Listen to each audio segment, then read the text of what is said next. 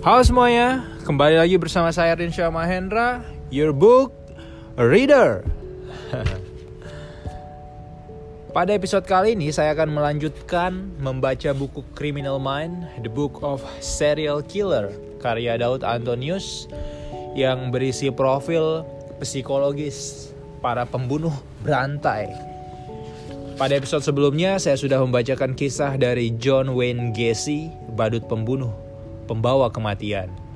Nah, pada episode kali ini, episode keempat untuk buku Criminal Mind, saya akan membacakan kisah dari Harold Shipman, dokter sekaligus iblis pencabut nyawa. Wow, seorang dokter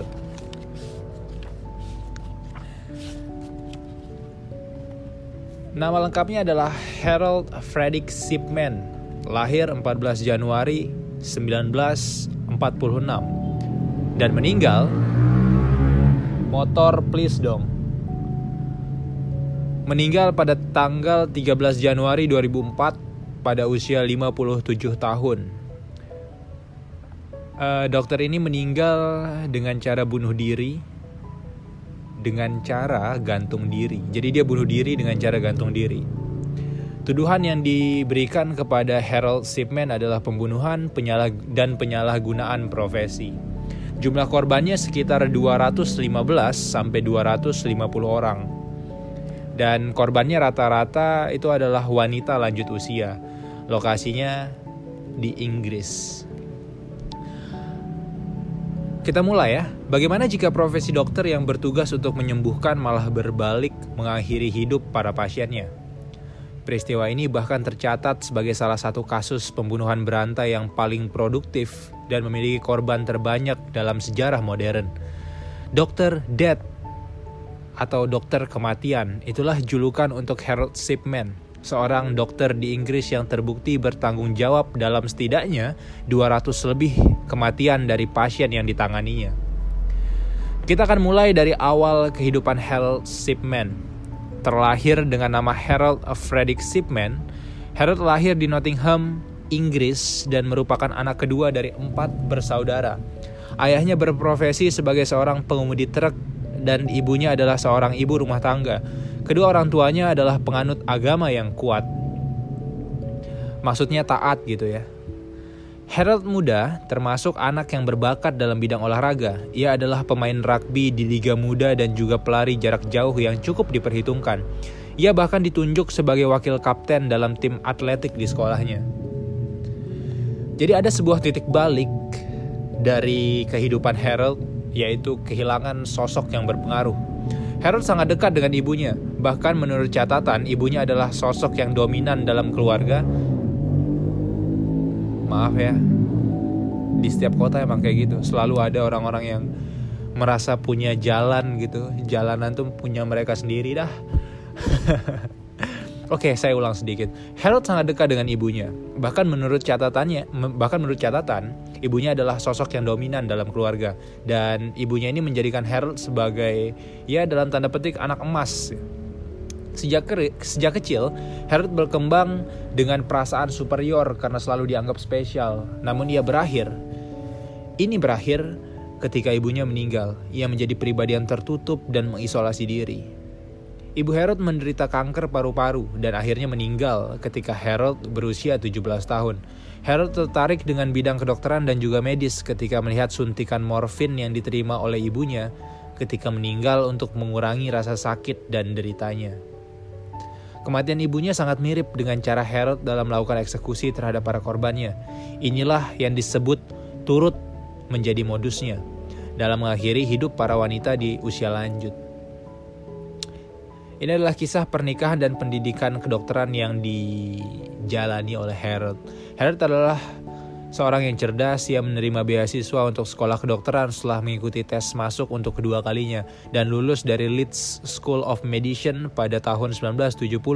Setelah itu ia memulai pekerjaan pertamanya di Ponter Ponte Pontefract ya Pontefract General Infirmary dan menjadi dokter umum pada tahun 1974 di Abraham or Merit Medical. Pada 5 November 1966, Harold menikahi Primrose May Oxtoby, seorang wanita yang ia temui di bis ketika tahun awal perkuliahannya. Mereka memiliki empat orang anak. Harold yang memang adalah pribadi tertutup, pendiam, dan penyendiri menikah di usia yang cukup muda, yaitu ketika ia dan istrinya berusia 19 dan 17 tahun. Pada awal karirnya, Harold dikenal sebagai dokter umum yang banyak menangani kesehatan keluarga. Namun, pada tahun 1975 ketika ia sudah memiliki dua orang anak, ia mencoba dan menjadi kecanduan terhadap salah satu obat penghilang rasa sakit. Hal ini diduga sebagai upayanya untuk mengeksplorasi dampak morfin dan zat sejenis yang diberikan pada ibunya ketika meninggal dunia. Karena salah satu alasannya untuk menekuni dunia kedokteran adalah ketertarikannya dengan hal tersebut. Harold kemudian dideteksi serta terbukti memalsukan resep Demerol atau sejenis obat penenang untuk penggunaan pribadi. Ia kemudian terpaksa keluar sementara dari praktik kedokterannya. Ia kemudian mendapatkan hukuman denda dan harus mengikuti rehabilitasi narkoba. Namun setelahnya ia masih diizinkan untuk meneruskan profesinya sebagai dokter. Kemudian kejahatan yang mulai terungkap. Korban terakhir Harold, Kathleen Grandi adalah kunci bagaimana semua kejahatannya pada akhirnya berhasil terungkap. Wow, korban terakhir ya yang menjadi kunci semua kejahatannya terungkap. Hal ini disebabkan putri dari Kathleen menaruh kecurigaan terhadap surat wasiat ibunya yang menyatakan menyerahkan sebagian besar harta warisannya atau sekitar 40 ribu euro kepada Harold, bukan kepada anak-anaknya. Sepertinya ini adalah sebuah blunder yang eh, sangat fatal ya yang dilakukan oleh Harold. Akhirnya berdasarkan kesepakatan keluarga, makam Kathleen dibongkar dan tubuhnya diotopsi dan ditemukan bahwa ada kandungan diamorfin atau obat penghilang rasa sakit dalam kandungan besar yang menyebabkan kematiannya. Pada awalnya, Harold beralasan hal tersebut diberikan untuk menghilangkan rasa sakit dan meringankan beban Kathleen. Ia juga mengaku sebagai seorang pecandu dari obat yang diberikannya tersebut. Namun, karena kemudian ditemukan mesin tik alat dalam membuat surat wasiat palsu dan ada juga indikasi dari rekayasa catatan medis, Harold dinyatakan harus menjalani pemeriksaan lebih lanjut. Dalam pemeriksaan polisi juga menemukan banyak sertifikat kematian yang ditandatanganinya dengan alasan kematian yang mencurigakan. Banyak dari peneliti dan penyidik percaya bahwa Harold melakukan jauh lebih banyak pembunuhan daripada apa yang dituduhkan kepadanya. Hal ini mengingatkan hal ini mengingat bahwa ia sudah lama menjadi dokter dan banyak menerima pasien yang kemudian meninggal secara tiba-tiba. Bahkan berbagai buku yang menuliskan profil tentangnya disebutkan bahwa sekitar 80% dari korbannya adalah wanita dan korbannya terhitung 171 wanita dan 44 pria. Dari banyak mantan pasien yang diperiksanya karena dari banyak mantan pasiennya yang diperiksa karena meninggal secara tidak wajar, kemudian ditemukan setidaknya 15 orang yang terbukti disebabkan oleh Harold Shipman. Berikut ini adalah para korbannya. Yang pertama adalah Mary West, 81 tahun, 6 Maret 1995, seorang wanita yang mengelola sebuah toko pakaian di Inggris. Ia meninggal setelah Harold menyuntikkan dia morfin atau obat penghilang rasa sakit sejenis heroin dengan dosis yang sangat besar. Harold kemudian menyatakan bahwa Mary West meninggal karena serangan stroke dan juga gagal jantung. Irene Turner, 67 tahun, 11 Juli 1996, baru saja pulang dari liburan dan merasakan badannya tidak enak. Harold kemudian mengunjunginya di rumahnya beberapa saat setelahnya, Irene ditemukan tewas dengan pakaian rapi. Harold menyatakan bahwa ia meninggal karena diabetes, namun setelah dilakukan penyelidikan terdapat kandungan morfin atau penghilang rasa sakit dalam jumlah besar dalam tubuhnya yang menyebabkan kematiannya. Kemudian ada Lizzie Adam, 77 tahun pada tanggal 28 Februari 1997. Kronologinya mirip Cuman alasan kematiannya aja yang beda-beda nih. Jadi untuk Lizzie Adam ini Harold menyatakan ia meninggal akibat pneumonia atau infeksi paru-paru. Ternyata morfin juga gitu. Ada Jane Lily, 59 tahun, 25 April 1997. Harold bilang dia meninggal karena flu. Sebenarnya morfin juga gitu. Ada Ivy Lomas, 63 tahun, 29 Mei 1997 Morrill Grimshaw 76 tahun 14 Juli 1997 Mary Quinn 67 tahun Kathleen Wagstaff 81 tahun Bianca Pomfrev 49 tahun Norah Nuttall 65 tahun Pamela Hiller Ward Moran Winfried Meller John Melia Kathleen Grandi jadi di sini ada beberapa profil dari para korbannya. Kemudian kita lanjut. Hukuman dan kematian. Persidangan terhadap Harold dimulai pada 5 Oktober 1999. Ia didakwa melakukan setidaknya 15 pembunuhan terhadap sejumlah pasiennya dalam kurun waktu 1995 sampai 1998 runtuhnya Orde Baru dengan cara memberikan morfin dan suntikan diamorfin, obat penghilang rasa sakit, pada dosis yang membahayakan dan menyebabkan kematian. Setelah dilakukannya penyelidikan mendalam, ternyata beberapa dari mantan pasiennya telah dikremasi sehingga tidak bisa diperiksa lebih lanjut mengenai penyebab kematiannya. Inilah yang menyebabkan hanya beberapa korban saja yang akhirnya diotopsi untuk menemukan kandungan morfin di dalam tubuhnya. Pada 31 Januari tahun 2000, Harold dijatuhi hukuman penjara seumur hidup dan mendapatkan rekomendasi dari para juri untuk tidak pernah dibebaskan karena membahayakan. Harold tidak pernah mengakui perbuatannya. Ia dan istrinya yakin bahwa tindakannya tidak bersalah. Setelah empat tahun di penjara, pada tanggal 13 Januari 2004, Harold mengakhiri hidupnya dengan cara gantung diri. Ia ditemukan pada jam 6 lebih 20 menit tergantung dengan menggunakan spray selnya. Keluarga korban menyatakan mereka tidak terima dengan aksi bunuh diri yang dilakukannya. Karena itu berarti Harold tidak menjalani hukuman penjara seumur hidup yang telah ditetapkan. Banyak spekulasi mengenai penyebab bunuh diri yang dilakukan oleh Harold. Ada yang menyatakan karena masalah finansial atau disebabkan oleh dana pensiunnya yang dibekukan negara. Ada juga yang berasumsi bahwa Harold adalah pribadi yang superior dan haus akan rasa kendali. Ia tidak ingin penjara yang menghukumnya. Ia ingin memiliki hidupnya sendiri. Dan dengan cara bunuh diri, ini berarti ia tidak dikendalikan oleh hukum. Namun hingga saat ini tidak ada penyebab yang jelas atas aksi bunuh diri yang dilakukannya. Kemudian kita akan masuk ke analisa psikologis Harold Shipman. Ini nih yang menarik dari buku ini. Dalam sebuah buku yang berjudul Prescription for Murder yang terbit tahun ta yang yang terbit pada tahun 2000, dua orang penulis Brian Whittle dan Jen Ritchie mengungkapkan dua teori mengenai tertangkapnya Harold. Yang pertama adalah ia memang sengaja membuat surat wasiat palsu sebagai bentuk kecerobohan agar tertangkap karena Harold sudah tidak bisa mengendalikan hasratnya untuk membunuh. Yang kedua, surat wasiat palsu yang dibuatnya adalah caranya untuk pensiun dalam membunuh karena mengalami kejenuhan dan ingin meninggalkan Inggris. Lalu bagaimana dengan analisa psikologisnya? Berarti uh, sebelum itu berarti saya mau me, uh, apa ya?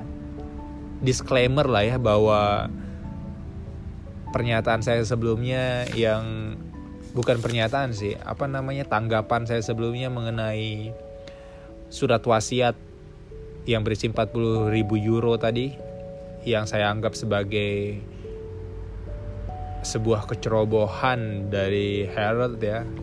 Tapi analisis psikologisnya ternyata itu bukan sebuah kecerobohan. Jadi Harold sengaja membuat hal semacam itu supaya dia tertangkap aja gitu. Dia udah tidak udah nggak bisa mengandalikan hasratnya untuk membunuh gitu. Itu analisis pertama. Yang kedua adalah dia membuat surat palsu itu adalah cara untuk dia pensiun gitu. Jadi dia udah udah bosan lah melakukan aktivitasnya selama ini. Karena selain itu sepertinya Harold meyakini bahwa apa yang dia lakukan tidak salah. Dalam arti dia membantu orang-orang ini untuk mati lebih cepat lebih tidak sakit gitu ya dengan morfin dengan dosis yang terlalu tinggi. Walaupun kita percaya ya sebagai seorang muslim dalam Islam bahwa kematian itu adalah sesuatu yang sangat menyakitkan dalam arti proses dari kematian itu benar-benar sakit katanya. Sakit sekali katanya. Katanya. Lalu bagaimana dengan analisa psikologisnya? Kita kembali lagi. Merujuk pada latar belakang masa lalunya, sejak kecil Harold selalu diistimewakan oleh ibunya. Ia menjadi superior di antara saudaranya yang lain dan menjaga jarak dengan anak seusianya. Ibunya bahkan selalu mengatur hidupnya, mulai dari cara berpakaian hingga kapan ia boleh pergi main atau diam di rumah. Harold sangat dekat dengan ibunya bahkan menjelang kematian ibunya, ia selalu pulang cepat dari sekolah. Membuatkan ibunya teh dan berbincang tentang apa yang ia lakukan sepanjang hari. Rasa ketergantungan terhadap ibunya sebagai sosok pemberi harga diri sangatlah kuat. Jadi rasa ketergantungan terhadap ibunya itu sebagai sosok pemberi harga diri sangatlah kuat.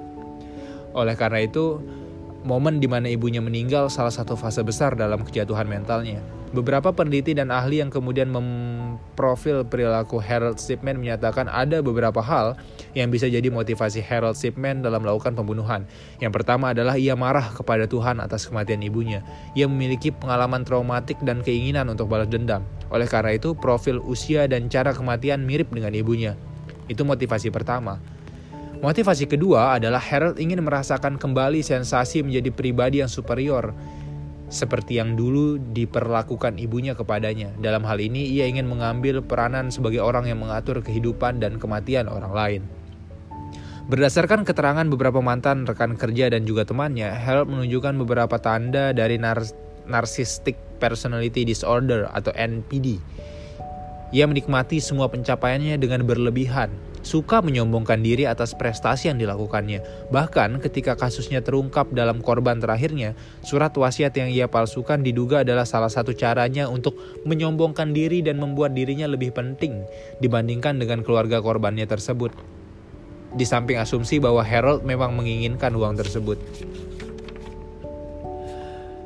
Kemudian kita akan masuk ke penjelasan lebih lanjut tentang nar narcissistic personality disorder. Mungkin kita sering mendengar kata narsis, namun tidak menyadari bahwa hal ini adalah salah satu gangguan kepribadian yang cukup berbahaya.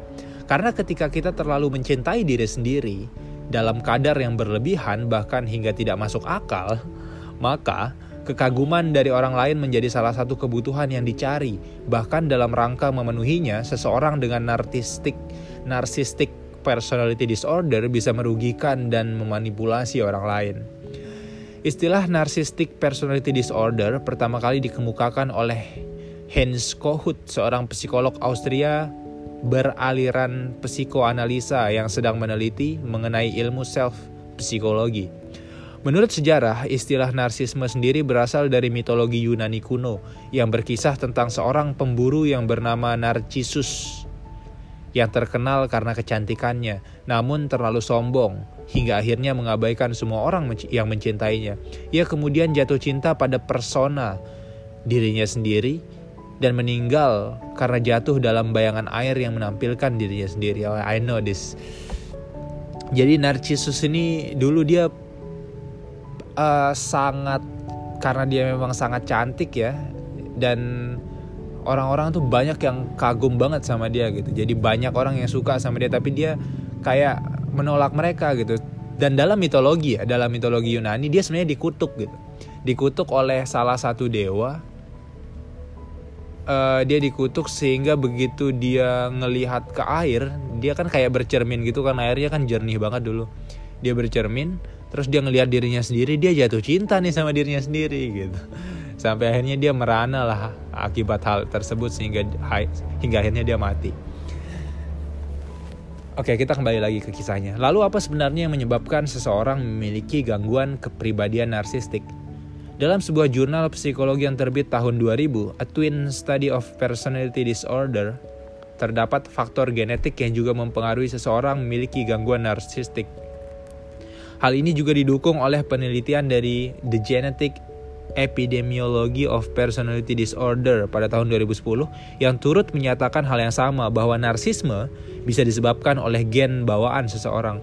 Selain genetik, terdapat pula faktor lain seperti pola asuh orang tua yang terlalu permisif atau menuruti semua yang diminta oleh anak atau malah overprotective terlalu mengatur kehidupan dan keputusan seorang anak yang membuat seseorang anak menjadi bermasalah dalam perkembangan perilakunya terlalu tergantung pada figur orang tua atau malah merasa tidak dihargai dan mencari penghargaan melalui lingkungannya.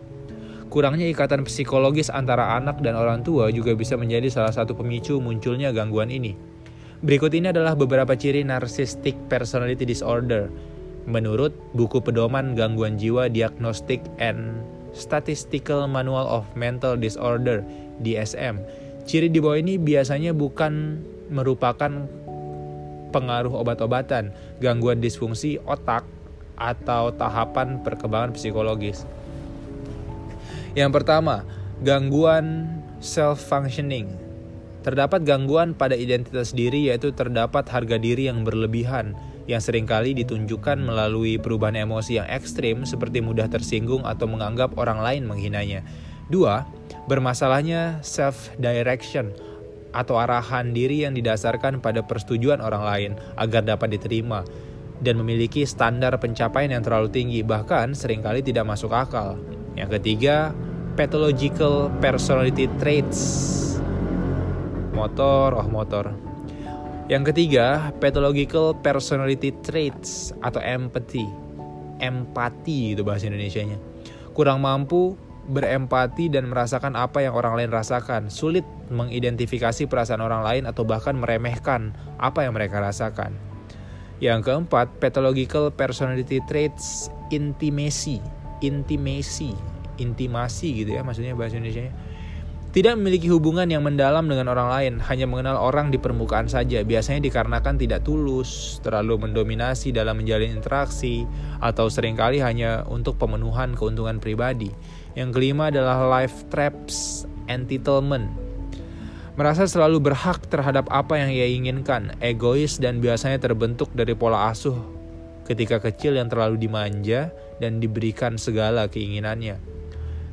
Yang keenam, attention seeking.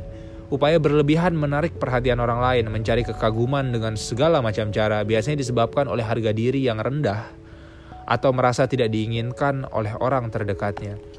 Dan yang ketujuh atau yang terakhir, self-oriented, mementingkan diri sendiri, melebih-lebihkan prestasi yang didapatkannya, merasa paling unggul, memiliki fantasi keberhasilan. Ciri yang disampaikan tersebut biasanya bukan merupakan perilaku karena pengaruh obat-obatan, gangguan disfungsi otak atau tahapan perkembangan psikologis, malah adalah sebuah ekspresi kepribadian yang relatif stabil dan konsisten dalam berbagai situasi. Eutanasia, pembunuhan karena belas kasihan. Itu istilahnya eutanasia, pembunuhan karena belas kasihan. Harold Shipman adalah salah satu pembunuh berantai yang bersembunyi di balik profesinya sebagai dokter. Ia melakukan banyak pembunuhan dengan satu metode yang sama yaitu memberikan obat penenang atau penghilang rasa sakit dalam dosis yang sangat tinggi sehingga menyebabkan kematian dari para korbannya. Dalam dunia kedokteran, fenomena ini seperti fenomena seperti ini disebut sebagai eutanasia.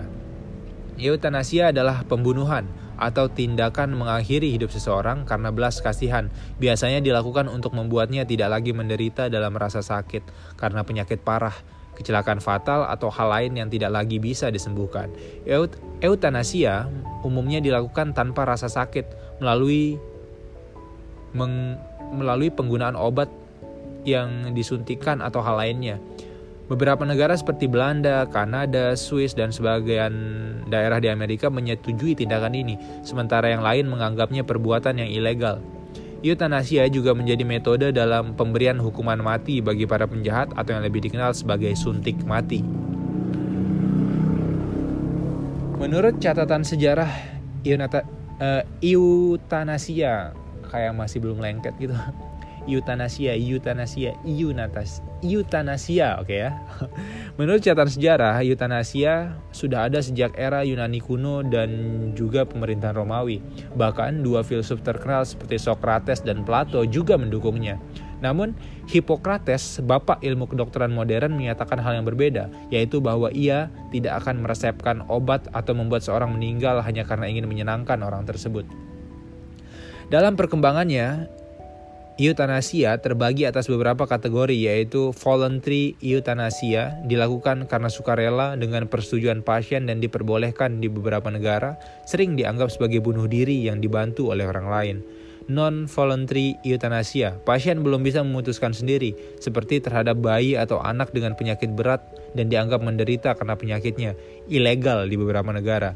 Dan involuntary euthanasia, tanpa meminta persetujuan pasien atau dilakukan dengan paksaan seperti pembunuhan yang dilakukan oleh Harold ataupun hukuman mati yang dilakukan di beberapa negara. Di Indonesia sendiri mengakui hak untuk hidup tapi tidak membenarkan hak untuk mati. Jadi kalau kita ngomong HAM ya di Indonesia misalnya bahwa uh, hak untuk hidup itu kan ya hak kan, hak asasi manusia, salah satu hak asasi manusia gitu tapi Indonesia tidak membenarkan yang namanya hak untuk mati sehingga bunuh diri itu hal adalah perilaku yang ilegal atau membantu orang untuk bunuh diri juga ilegal suicidologi, suicidologi, ilmu bunuh diri ini, ilmu yang mempelajari perilaku bunuh diri. Harold Shipman tidak benar-benar menjalani hukumannya, ia malah mengakhiri hidupnya dengan bunuh diri. Hal ini sama seperti dengan kisah Narsisus yang pada akhirnya juga meninggal karena terlalu mencintai dirinya sendiri. Secara definisi, bunuh diri adalah sebuah tindakan seseorang. Santai dong. Bunuh diri adalah sebuah tindakan seseorang yang mengakhiri hidupnya sendiri adanya banyak faktor yang menyebabkan hal ini terjadi. Mulai dari putus asa, stres, gangguan psikologis, dampak obat terlarang, faktor ekonomi, dan hal lainnya. Salah satu ilmu yang mempelajari tentang perilaku bunuh diri, mulai penyebab hingga pencegahannya melalui pendekatan psikologis dan juga sosiologis adalah suicidologi, suicide ya. Kata dasarnya itu suicide, bunuh diri, suicidologi. Menurut data global, setiap tahunnya ada sekitar 1 juta orang yang meninggal karena bunuh diri. Padahal, perilaku bunuh diri sebagian besar dapat dicegah dengan tindakan yang benar dan pengetahuan yang tepat. Di sini akan membahas efek weather dan efek Papageno. Mari kita cari tahu apa yang dimaksud. Media termasuk koran, televisi, dan internet juga berperan sebagai bentuk pencegahan maupun pemicu seseorang dalam melakukan bunuh diri. Efek Weather adalah sebuah fenomena di mana seseorang menirukan tindakan bunuh diri atau termotivasi atas tindakan bunuh diri yang ia saksikan melalui media. Biasanya karena perilaku bunuh diri tersebut disajikan secara dramatis dan berulang-ulang. Kebanyakan bunuh diri yang ditiru adalah yang dilakukan oleh tokoh publik seperti artis. Sebagai contoh, kematian Marilyn Monroe kemudian diikuti oleh 200 orang lainnya dengan metode yang sama. Nama Weather sendiri merupakan sebuah tokoh dalam novel yang kematiannya menginspirasi kematian orang lain. Selain efek Weather, terdapat pula efek Papageno, yaitu cara media dalam melakukan pencegahan bunuh diri melalui perspektif yang positif, di mana berita yang diangkat menyajikan alternatif pilihan perilaku yang baik atau membuat narasi beritanya secara lebih rasional tidak mendramatisir kejadian tersebut, malah mengedepankan bagaimana cara mengatasi stres, depresi, dan juga pentingnya kehidupan kita bagi orang lain. Nama Weather juga diambil dari kisah novel di mana seorang pemuda berhasil membujuk orang yang ingin mengakhiri hidupnya dengan cara memberikan alternatif pilihan yang lebih baik. Materi terakhir, mitos dan fakta seputar bunuh diri. Berikut ini adalah beberapa mitos dan fakta mengenai peristiwa bunuh diri berdasarkan buku panduan dari Providing Access to Help PATH yang diterbitkan tahun 2011 untuk meminimalisir tindakan bunuh diri. Pertama mitos. Mitos pertama, mereka yang meninggal karena bunuh diri selalu meninggalkan catatan. Faktanya, hanya sebagian kecil yang meninggalkan semua jenis penjelasan tentang mengapa mereka memilih untuk bunuh diri. Mitos kedua, mereka yang meninggal karena bunuh diri tidak memperingatkan orang lain dan melakukannya secara tiba-tiba. Dan faktanya, 8 dari 10 orang yang meninggal karena bunuh diri memberikan petunjuk pada orang terdekat mereka, hanya terkadang sulit untuk terdeteksi. Mitos yang ketiga, mereka yang berbicara tentang bunuh diri hanya berusaha mendapatkan perhatian. Faktanya, lebih dari 70% yang mengancam untuk bunuh diri melakukan upaya atau mati karena bunuh diri. Mitos yang keempat, ketika keputusan seseorang sudah bulat untuk bunuh diri, maka itu tidak bisa lagi dihentikan. Sedangkan faktanya, kebanyakan dari mereka tidak benar-benar ingin mati. Ya, saya setuju. Kebanyakan dari mereka tidak benar-benar ingin mati, hanya ingin rasa sakit yang mereka rasakan hilang atau berhenti. Sayangnya, tidak ada pilihan lain atau tidak ada orang yang menawarkan pilihan lain. Mitosnya, bunuh diri adalah keputusan emosional dan akan hilang jika sudah tidak emosi. Faktanya, tingkat bunuh diri tertinggi terjadi dalam waktu sekitar tiga bulan setelah depresi, ketika perubahan mereka merasa terhambat. I didn't get it. Tingkat bunuh diri tertinggi terjadi dalam waktu sekitar tiga bulan setelah depresi. Jadi depresi dulu setelah tiga bulan, baru mereka melakukan bunuh diri gitu. Ketika perubahan mereka merasa terhambat. Mitos yang berikutnya, setelah seseorang mencoba bunuh diri, tidak mungkin mereka akan mencoba lagi. Faktanya, orang yang telah mencoba bunuh diri sangat mungkin untuk mencoba lagi. Mereka biasanya meninggal dalam upaya kesekian kalinya. Jadi biasanya, faktanya nih, bahwa orang yang mati karena bunuh diri itu bukan percobaan pertamanya gitu. Jadi sebelum-sebelumnya mereka sudah melakukan beberapa percobaan, percobaan, percobaan, percobaan yang mungkin gagal, mungkin digagalkan, dicegah hingga akhirnya pada suatu momen plek mati.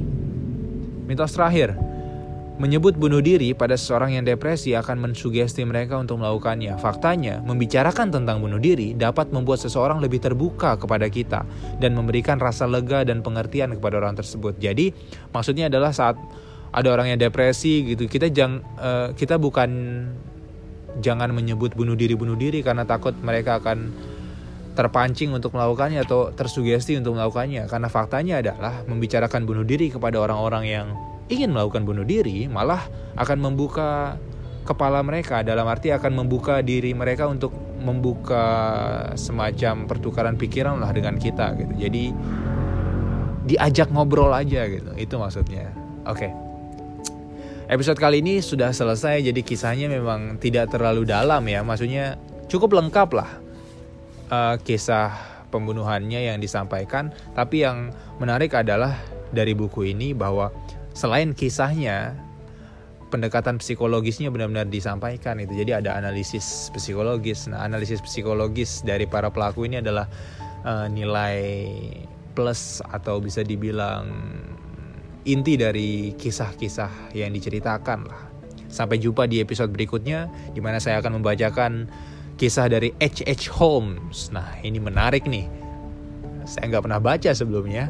Pembunuh berantai pertama di Amerika dan kayaknya sulit untuk orang yang suka cerita misteri, suka dengan cerita-cerita pembunuh berantai atau pembunuhan gitu atau suka nonton-nonton film yang bertemakan seperti itu untuk tidak tahu dengan H.H. Holmes. Mungkin mengingatkan kita dengan Sherlock Holmes tapi bukan ya. H.H. Holmes dia adalah pembunuh yang terkenal. Seingat saya nih, dia sampai ngebuat istana. Sebenarnya bukan istana, dia buat hotel khusus buat bunuh orang dia buat hotel. Ya udah sampai jumpa ya di episode berikutnya. Dah.